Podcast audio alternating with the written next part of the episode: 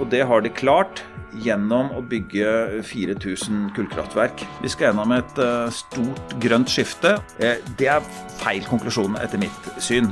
For det er ikke det grønne skiftet som har skapt disse, disse store prisutslagene vi nå snakker om. Så det er viktig å ikke legge ned gasskraftverkene. Det kommer an på været, faktisk. Her er Stavrum og Eikeland, en podkast fra Nettavisen.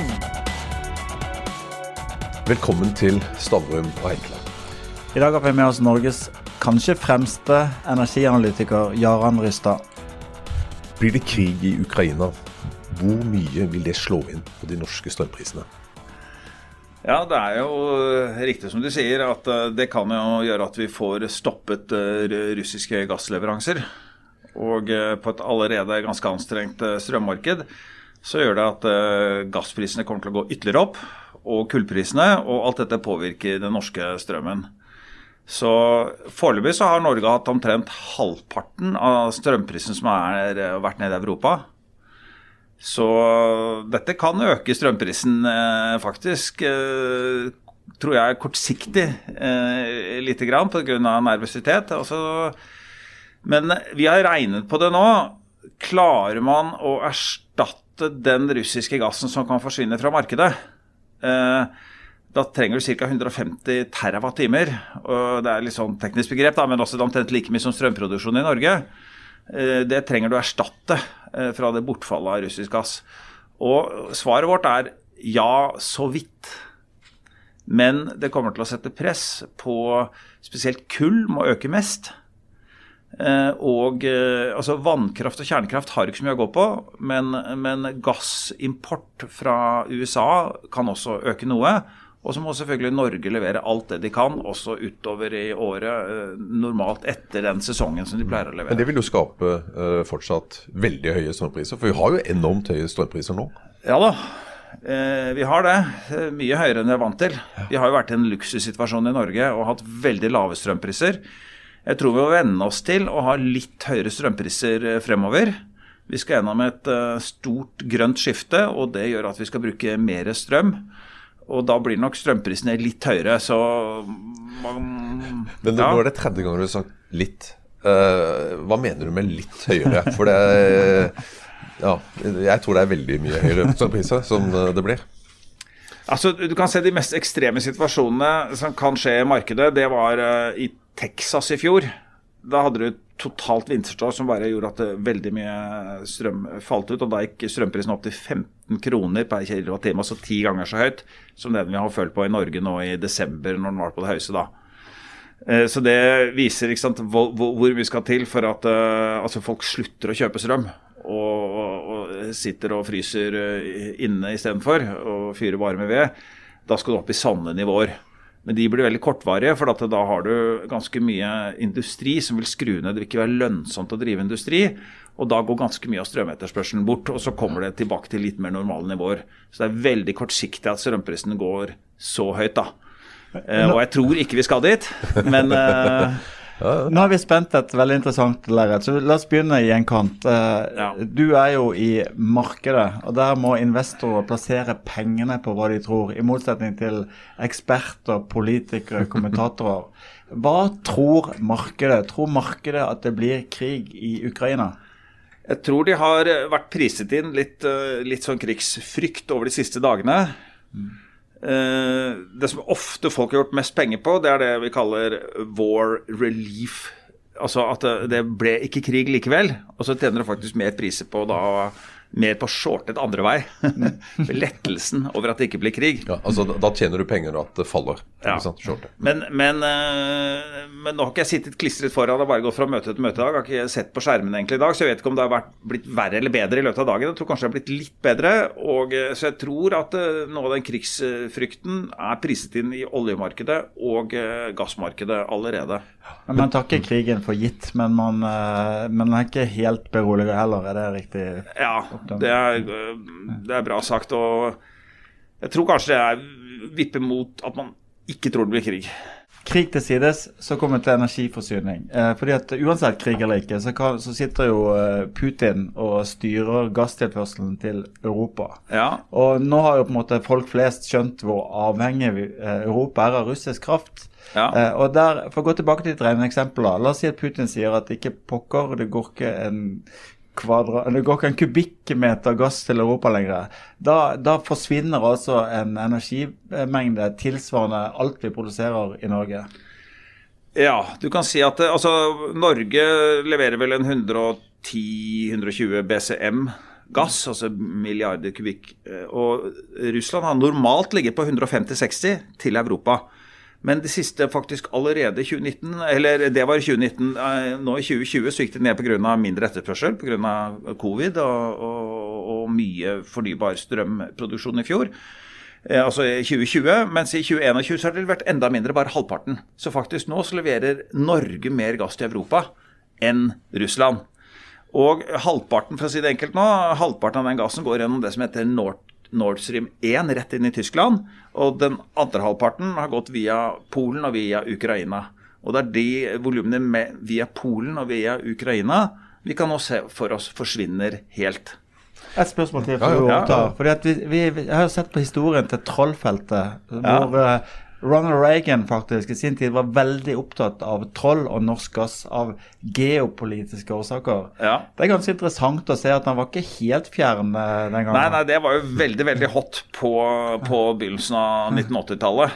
Eh, Så jeg har hørt at eh, noen av disse reservargeologene som satt og jobbet med Trollfeltet, de, de fikk stadig vekk telefoner fra Det hvite hus og hvordan det gikk med brønnplanene osv. Og, så og sa det var å jobbe under en viss annen oppmerksomhet enn det, enn det de var vant til som oljeingeniører. Eh, Så Det viser hvor viktig det er og at, eh, at eh, Europa ikke er helt avhengig av russisk gass. Og det som, men det som er det nye nå, det er at Russland er heller ikke helt avhengig av Europa, Europa som marked. Fordi at de vender seg mer og mer østover, mot Kina. Og som jeg sier, vi kan klare oss helt sånn på marginen, også uten russisk gass. Eh, og Det er også en litt ny situasjon, men det er også fordi at er, vi har egentlig tatt ned eh, forbruket med Eller leveransene fra Russland med halvparten allerede. Egentlig litt ufrivillig fra Europas side. Vi ville jo helst hatt denne gassen. Og gassprisene har jo gått svært høyt. Og strømprisene har gått svært høyt som et resultat av det. Så det er på en måte den prisen vi betaler. Men, men, men det er ikke litt av problemet her altså, at, at det er ikke bare Russland, det er ikke bare Ukraina og den krigen. altså Rett og slett at det er fundamentalt mangel på energi i Europa. Altså Selv om ikke det blir krig, så kommer vi til å ha Og egentlig i hele verden. Ja, ikke sant? I, fordi at vi hadde uh, covid-nedstengningen. Da sluttet man å bore mange brønner, og man sluttet også å ta ut kull en del steder. Og så gikk etterspørselen kraftig ned pga. at vi satt bare hjemme på kontorene våre eller på i, i soverommene våre og sturet. Ikke sant? Og fløy ikke og kjørte ikke bil og alt mulig sånn. Største energinedgangen vi noensinne har hatt. Og så plutselig så kommer hele markedet nå tilbake, og da tar det tid å få i gang igjen alle disse verdikjedene. Men så har vi gjort en annen ting også i, Europa og andre steder. Vi har jo da ikke definert gass som grønn energi. Til nå. Ikke før 2. februar. Ja, nei, men likevel, da. Altså, Ja. Har ikke det spilt veldig mye inn også på at eh, det er blitt mangel på investeringer til, innen gass osv., som gjør at vi nå rett og slett er en shortage? Altså, Det er lett å fortelle den historien, men jeg klarer ikke helt å uh, verifisere den. fordi at vi har investert mye i å øke uh, eksportkapasiteten fra Troll og fra en del andre felt i Norge. Vi har faktisk gjort investeringene. Eh, og eh, så det er ikke det at vi har eh, Men vi har mistet et veldig Altså Europas største gassfelt. Det er det feltet som ligger i Nederland og heter Groningen. Og, og de, den byen som ligger på toppen der, den begynte plutselig å få masse sprekker i mur, murene. Og så fant de ut at hele byen synker bitte litt grann ned. Wow. Og nå må de stoppe å ta ut gass fra det feltet. Eh, som er større enn Trollfeltet. Det har de gjort siden 1950-tallet, men pga. det som heter altså nedsynking av berggrunnen lite grann. Da. Og Det gjør at du har mistet en veldig stor gasskilde midt inne i Europa. Og du, og du har ikke hatt noen nye store funn som kunne erstattet det, selv om du hadde hatt penger. Eh, Men man har investert for lite i å lage nye brønner globalt eh, over de siste to årene. Og det er sånn at alle oljebrønner har også gass i seg. Eh, så du får litt mindre av det som heter assosiert gass, som er hver eneste gang du tar opp en, en, liter olje, så kommer det gass ut. Akkurat som når du tar av korken på en cola, så kommer gassen ut. Og det er det samme som, som skjer eh, i oljen. Og, og, det har vært mindre av. Uh, og så har vi hatt en del andre forhold uh, som også gjør jeg kan nevne noen av de, som gjør at vi får uh, ny etterspørsel etter gass, f.eks. fra Brasil og fra Japan og fra Kina, enda mer enn det vi har hatt før. Men ok, la, la oss ta premisset, utsagnet 'det er for lite energi'. Min påstand det er mer enn nok energi. Det handler om prisen du er villig til å betale for energien. Eh, bare, sol, bare sol, altså Tok du Sahara og brukte det til å lage solkraft, ja. så fikk du uendelig store mengder energi, men det er dyrt. Ja, eh, det er ikke så dyrt å lage den i Sahara, men det er veldig dyrt å frakte den til Europa. Ja. Eh, men hvis du tar det veldig langsiktige bildet, så er det, som du sier, mer enn nok energi i verden av ren fornybar energi.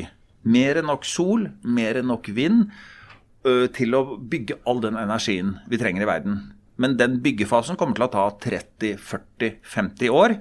Men arealene er der, teknologien er der. Så dette store grønne skiftet kommer vi til å klare. Det er min overskrift. Men det tar tid.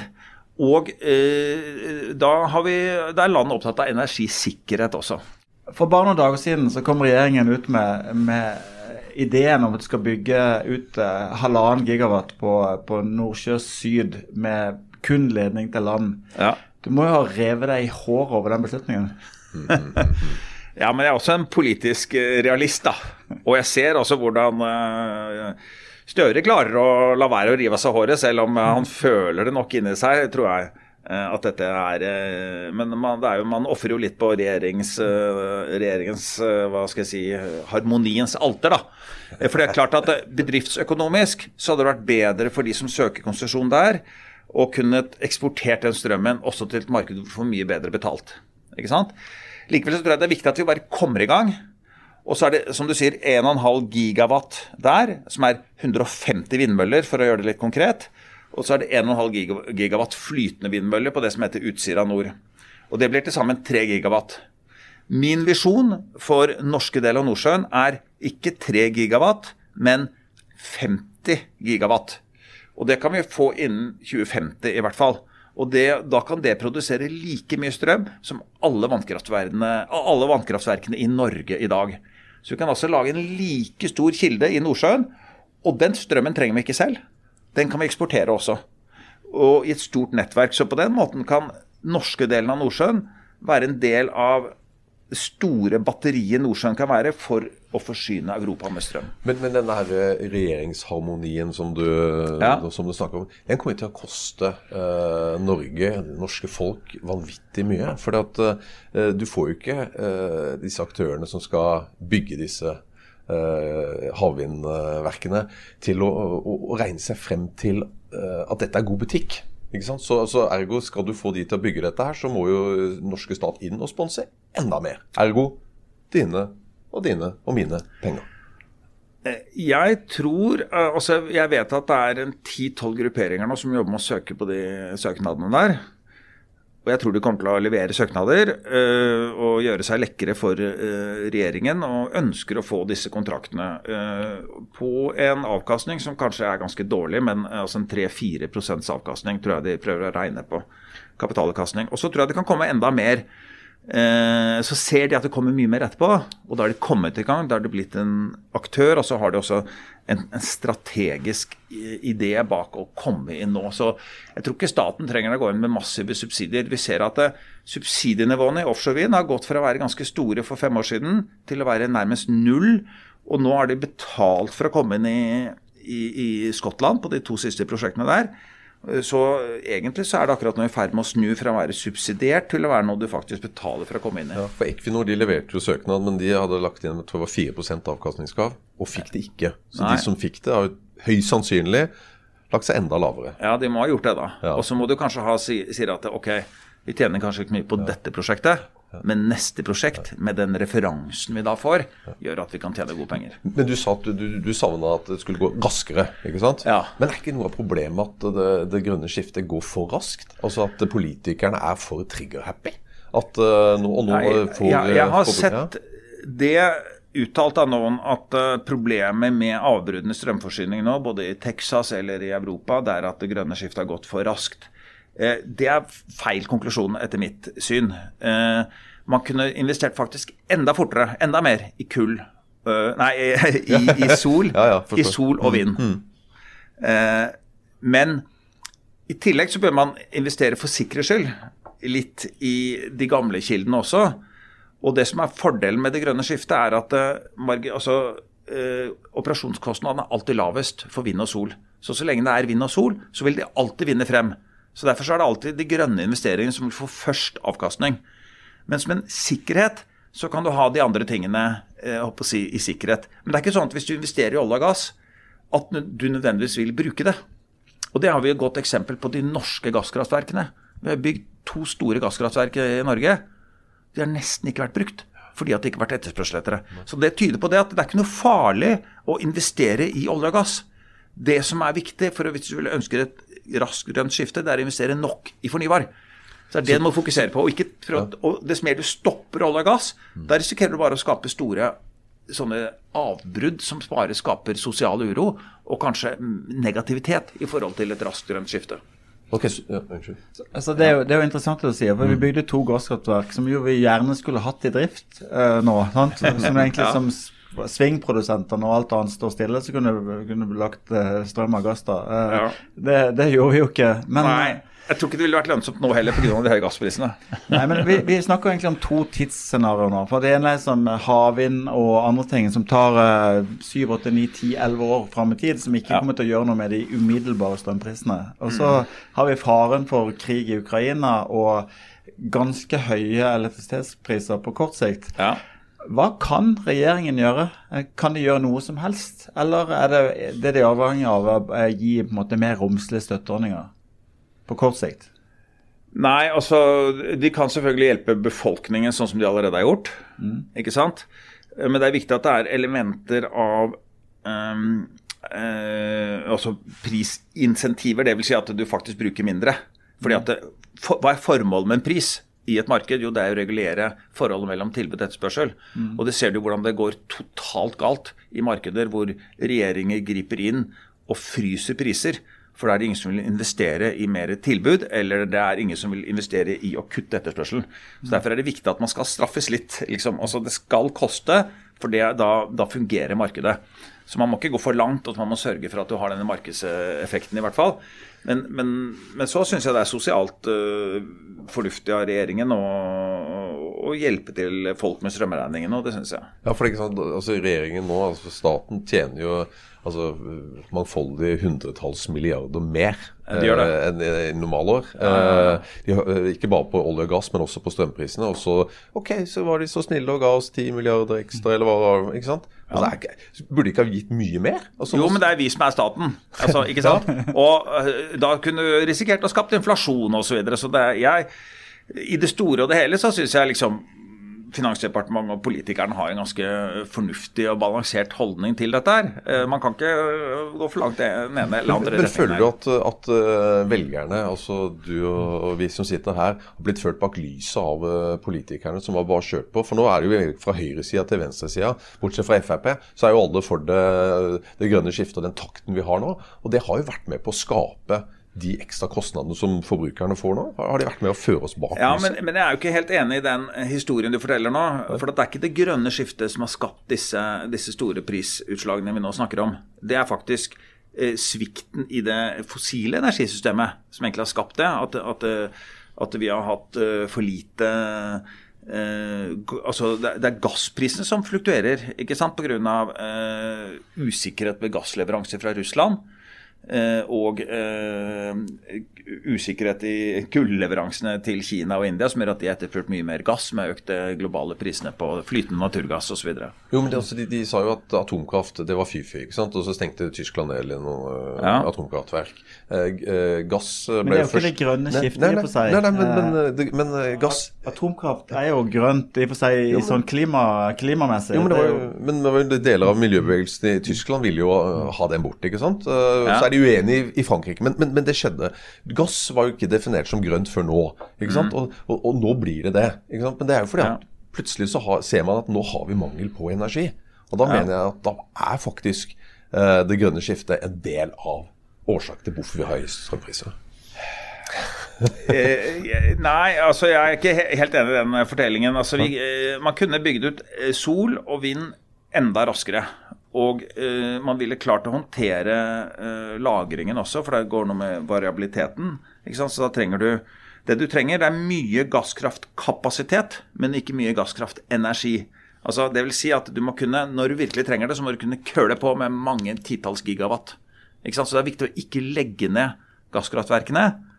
Men du skal, trenger ikke å bruke de så mye. og Det har vi også regnet på i hvordan ser Europa ut i 2025, 2030, 2040 og 2050. Fremdeles så vil du kunne trenge ganske mye gasskraftkapasitet for å trå til på kort. Eh, når du får f.eks. i januar eh, lange høytrykksperioder uten vind, iskaldt osv. Men i snitt så, du, så har du 10-15 sånne dager i året. Men da trenger du opptil 25 gigawatt, som er veldig mye, av gasskraft men du trenger det bare litt. Så, energi, så øh, Hvis man vedlikeholder en viss sånn beredskap, så er det det andre som er viktig da, det er bare å køle på, holdt jeg på å si, med, feil uttrykk kanskje, men med, med sol øh, og øh, vind og batterier. og å optimalisere vannkraft og en del andre ting. Så det er ikke det som er problemet, at man ikke bygger det fort nok, men at man har slurvet med beredskapen, er problemet.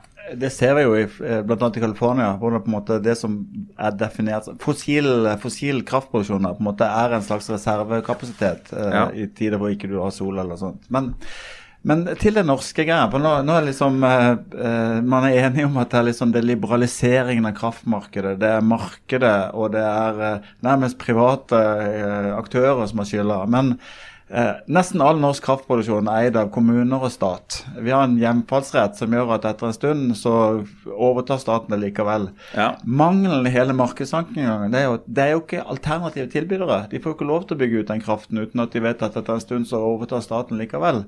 Så er ikke dette mer et eksempel på dårlig offentlig styring enn en helt vill liberalisme? Uh, igjen så kaster jeg meg ikke på om å være enig i den eh, påstanden. Men, uh, og det er jo ganske fullutbygget, uh, det norske vannkraftsystemet. ikke sant? men du har noen vernede vassdrag. og så er spørsmål om at en del av de vassdragene kan få flomproblematikk fremover pga. klimaendringene. Med mye oversvømmelser og sånt, som må reguleres for å hindre ukontrollerte flommer. Og for å si det litt enkelt da, og i den forbindelse så kan du faktisk bygge ut noe vannkraft som kan være fornuftig å vurdere. Ikke sant? Så det, det er ikke, vil, vil jeg si at det er ikke helt helligbrød å, å ikke vurdere den type hva skal jeg si, vinn-vinn-situasjoner. da, mm. ikke sant? Uh, uh, pluss at du kan oppgradere eksisterende reservoarer på fjellet. Og det du også trenger i Norge, det er enda mer kraftkapasitet, men ikke energi. Det vil si at det, Normalt så har du egentlig nok vann i magasinene, men hvis du kan øke hvor mye du kan produsere i løpet av en enkelt time, så kan du bytte bort den kraften med to-tre ganger så høy pris klokka fem-seks Nei, klokka øh, ja, seks-syv om ettermiddagen med og så kjøpe det tilbake for nesten ingenting midt på, midt på natten eller når det blåser lite. Og, og, Derfor så har Norge en enorm fleksibel kraft, og den kan bli enda mer fleksibel hvis vi får større kapasitet til å produsere kraft. Men det er to innvendinger, eller to refleksjoner. Det ene er på en måte så lenge norske strømpriser til en viss grad blir drevet av europeiske strømpriser og mangel på strøm i Europa, så uansett om vi bygger ned hver siste verna vassdrag, så kan ikke Norge produsere den strømmen eh, Europa mangler. Så, så prisen vil fortsatt dannes av europeisk uh, Nei, jeg husker det jeg sa i stad. Norge kan produsere like mye fra altså i 2050, da. 2050, det er lengt, lengt, langt frem til. ja. Men så vi, kan vi ha en langsiktig versjon, mm. visjon. Altså, vi har en visjon om at Norge skal være en energistormakt i nye 100 år. Mm. Eh, og det mener jeg at det er, er eh, realistisk, fordi vi har dette enorme potensialet. Men du er enig i at vi kan ikke bygge oss ut av kraftmangel, den nåværende kraftmangelen akkurat nå? Det er ikke et tiltak som hjelper oss? Eh, det hjelper oss ikke i år eller neste år, for alt dette tar jo tid. Ja. Men vi har jo egentlig et nordisk kraftoverskudd. Mm. Og en kombinasjon med litt mer eh, nordisk eh, altså onshore vind i de få områdene du kan gjøre det uten å ha store miljøinngrep, mm. og kombinasjon med en rask tempo på havvind, så vil du kunne beholde dette nordiske kraftoverskuddet. Mm. Eh, men som sagt, det krever en eh, litt høyere tempo enn det vi ser nå. Ole, du kommer med et spørsmål til. For du, du snakker liksom eh, prisfølsomhet på strøm. da, sånn Vi ser på en måte Forbruket av strøm i Norge har jo vært like høyt, selv om prisen har vært 30 ganger høyere enn den var for et år siden. Så liksom det, det, veldig, det virker jo som folk ikke har så mye rom for å spare på strømforbruket sitt. Og Det er ikke så rart når det er kaldt ute. Ja, nei, Det er ikke så rart. Men de som har det, det er de som produserer eh, varer og tjenester som har en pris i markedet. Og la oss si hvis du bruker masse strøm for å produsere eh, et metall, da. Ferrosilisium, ja, Elkem, kinesisk eid. Og, eh, og, det metallet da har plutselig lavere pris enn Eller har en pris i verdensmarkedet som ikke forsvarer den strømprisen, så skrur de ned. Så det er industrien som er den mest fleksible strømkjøperen. da. Er det ikke også der vi burde skru ned, skru ned strømforbruket, hvis vi trenger mer strøm? Jo, og det vil egentlig markedet regulere. Ikke sant? Men, men, en del av disse har jo da langsiktige strømkontrakter. Men de kan jo ofte tjene mer penger på å selge strømmen de har sikret på langsiktige, lave priser ut i markedet, enn å selge det metallet de skal lage. Ikke sant? Så, så, jeg, så det som er viktig, det er å ha gode markeder. Ikke sant? Og ikke surre for mye med markedene, men ha gode og forutsigelige markeder. Og Det som er veldig viktig for politikerne fremover, er å lage god markedsdesign. Og Det er mange eksempler på at man ikke har gjort det. I Norge er det faktisk ganske godt markedsdesign, for du har ganske forskjellige strømmarkeder som at uh, har, uh, som, som, henger sammen med overføringskapasiteten og de produ produserende uh, altså, og produksjonskapasiteten, som gjør at det er på en måte markedsmessig helt riktig at du har mye lavere pris i Nord-Norge. I Tyskland kan jeg nevne et eksempel, så er det et dårlig markedsdesign. For der har du samme strømpris i hele Tyskland. Og det virker jo logisk for en forbruker. ikke sant? At Hvorfor skal de i Bayern eh, kunne kjøpe billigere strøm enn meg her i nord, eller motsatt? Eh, men det problemet er at det gir ikke insentiver for å oppgradere nettene og å utjevne dette. Og Derfor så har de altfor liten overføringskapasitet internt i Tyskland. Så av og til så har du altfor mye sol i Bayern og mangler i Nord-Tyskland, eller motsatt hvis det blåser mye i Nordsjøen. Så dette er eksempler på utilstrekkelig markedsdesign. fordi at man tenker en eller annen form for hva skal jeg si, misforstått rettferdighet. Som på kort sikt virker logisk, men på lang sikt gjør at du skaper gale insentiver for, å, eh, for at egentlig alle skal tjene på det. Og det er alle disse overføringskablene, altså på sikt så vil egentlig alle tjene på det. Men på kort sikt, på kortere sikt så føles det veldig urettferdig for de som da får rammet noe, noe de er vant til å ha mye lavere uh, osv. Men systemene blir mer optimaliserte. Slik at snittprisen for alle blir alltid lavere når du får enda mer overføringskapasitet. Men har vi vært flinke nok til å investere i overføringskapasitet i Norge, da? Jeg har forstått det sånn at vi kunne vært bedre? Ja, Noen steder så kunne vi vært Eh, bedre. altså det er sikkert eh, Jeg vet ikke akkurat hvem jeg skal peke på som har tatt feil beslutning, for å si det sånn. Dette er kanskje, kanskje mer etterpåklokskap. Men, men vi ser jo at kanskje overføringskapasiteten eh, fra nord til sør kanskje burde vært noe høyere, og så Trøndelag osv. Så, videre. så det er noen sånne, sånne, ting som man kan stille noen spørsmålstegn med. Vi, vi, nevnte Kina i sted. altså De er jo Elkem og ja, kanskje ja. nå får litt støtte av oss også for å overleve. Men? Uh, men uh, er ikke kineserne den store vinneren globalt, da? Og så her herjer vi og, og, fornyer oss og tar den kostnaden det er, og så sitter de bare og ja, tjener og ja, gir F i egentlig det grønne skiftet, og så bare er stormakter på verdensbasis på næringsliv og kjøper opp og ja. Jo da. Eh, du kan gjerne si det, at kineserne har vært store vinnere de siste 20 årene fordi at de har fått flytt, tatt over veldig mye av verdens industri.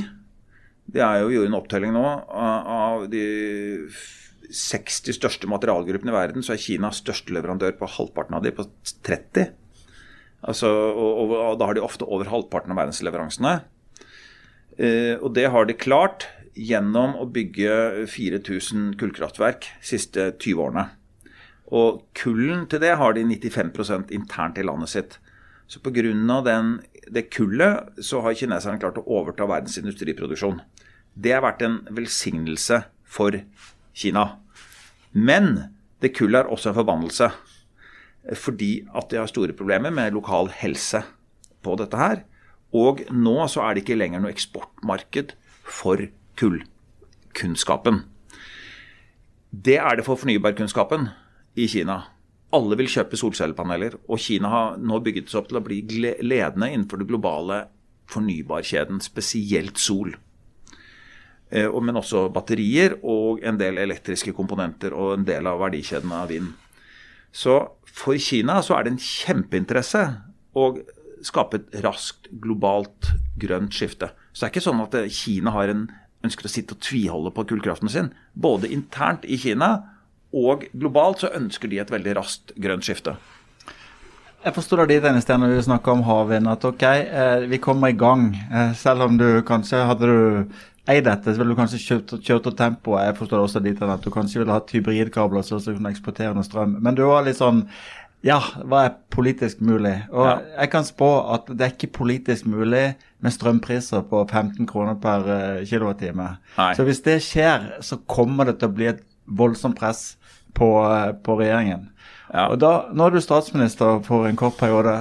Hva hadde du gjort med det presset?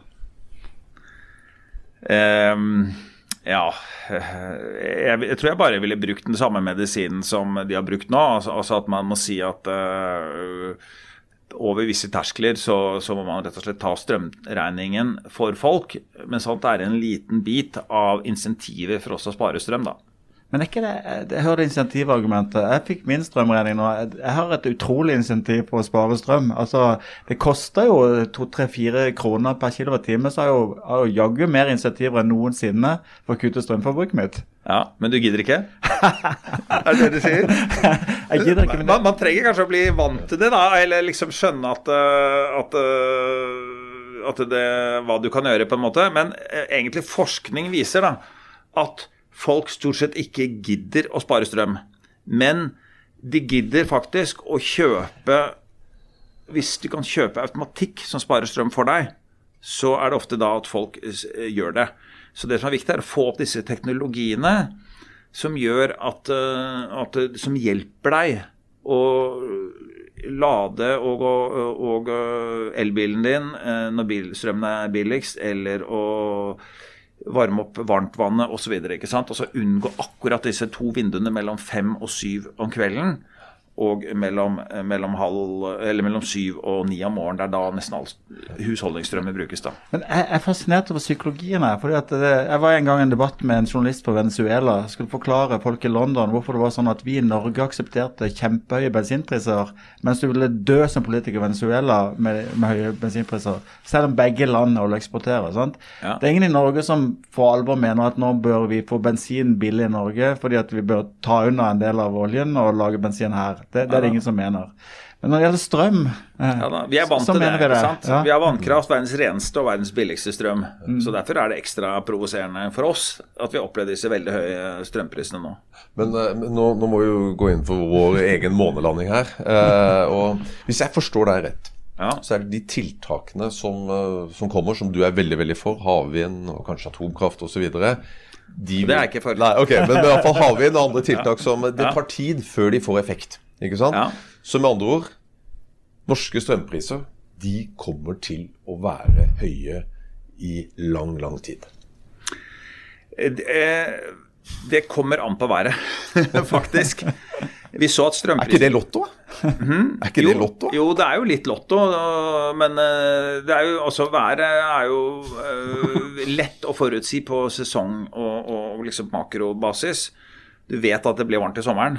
Eh, ikke sant? Og du vet at det blir i snitt så og så mye vind. Og så er det litt årlige variasjoner, men du aner ikke noe om de neste 14 dagene.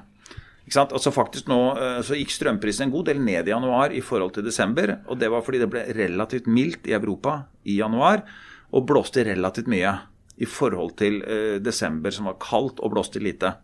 Ikke sant? Så hvis det blir en eh, stormfylt, altså mye vind og også en del nedbør fremover, og ganske mildt, så kommer prisene til å bli vesentlig lavere enn hvis vi får en ny iskald eh, kuldeperiode med vindstille. Da kan, da kan også virkelig altså Hvis du får det pluss en krig, da kan det bli veldig dyrt å være forbruker i Norge.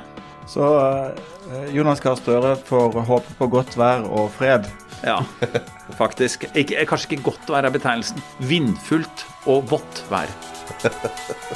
Du fikk Stavrum og Eikeland, en podkast fra Nettavisen.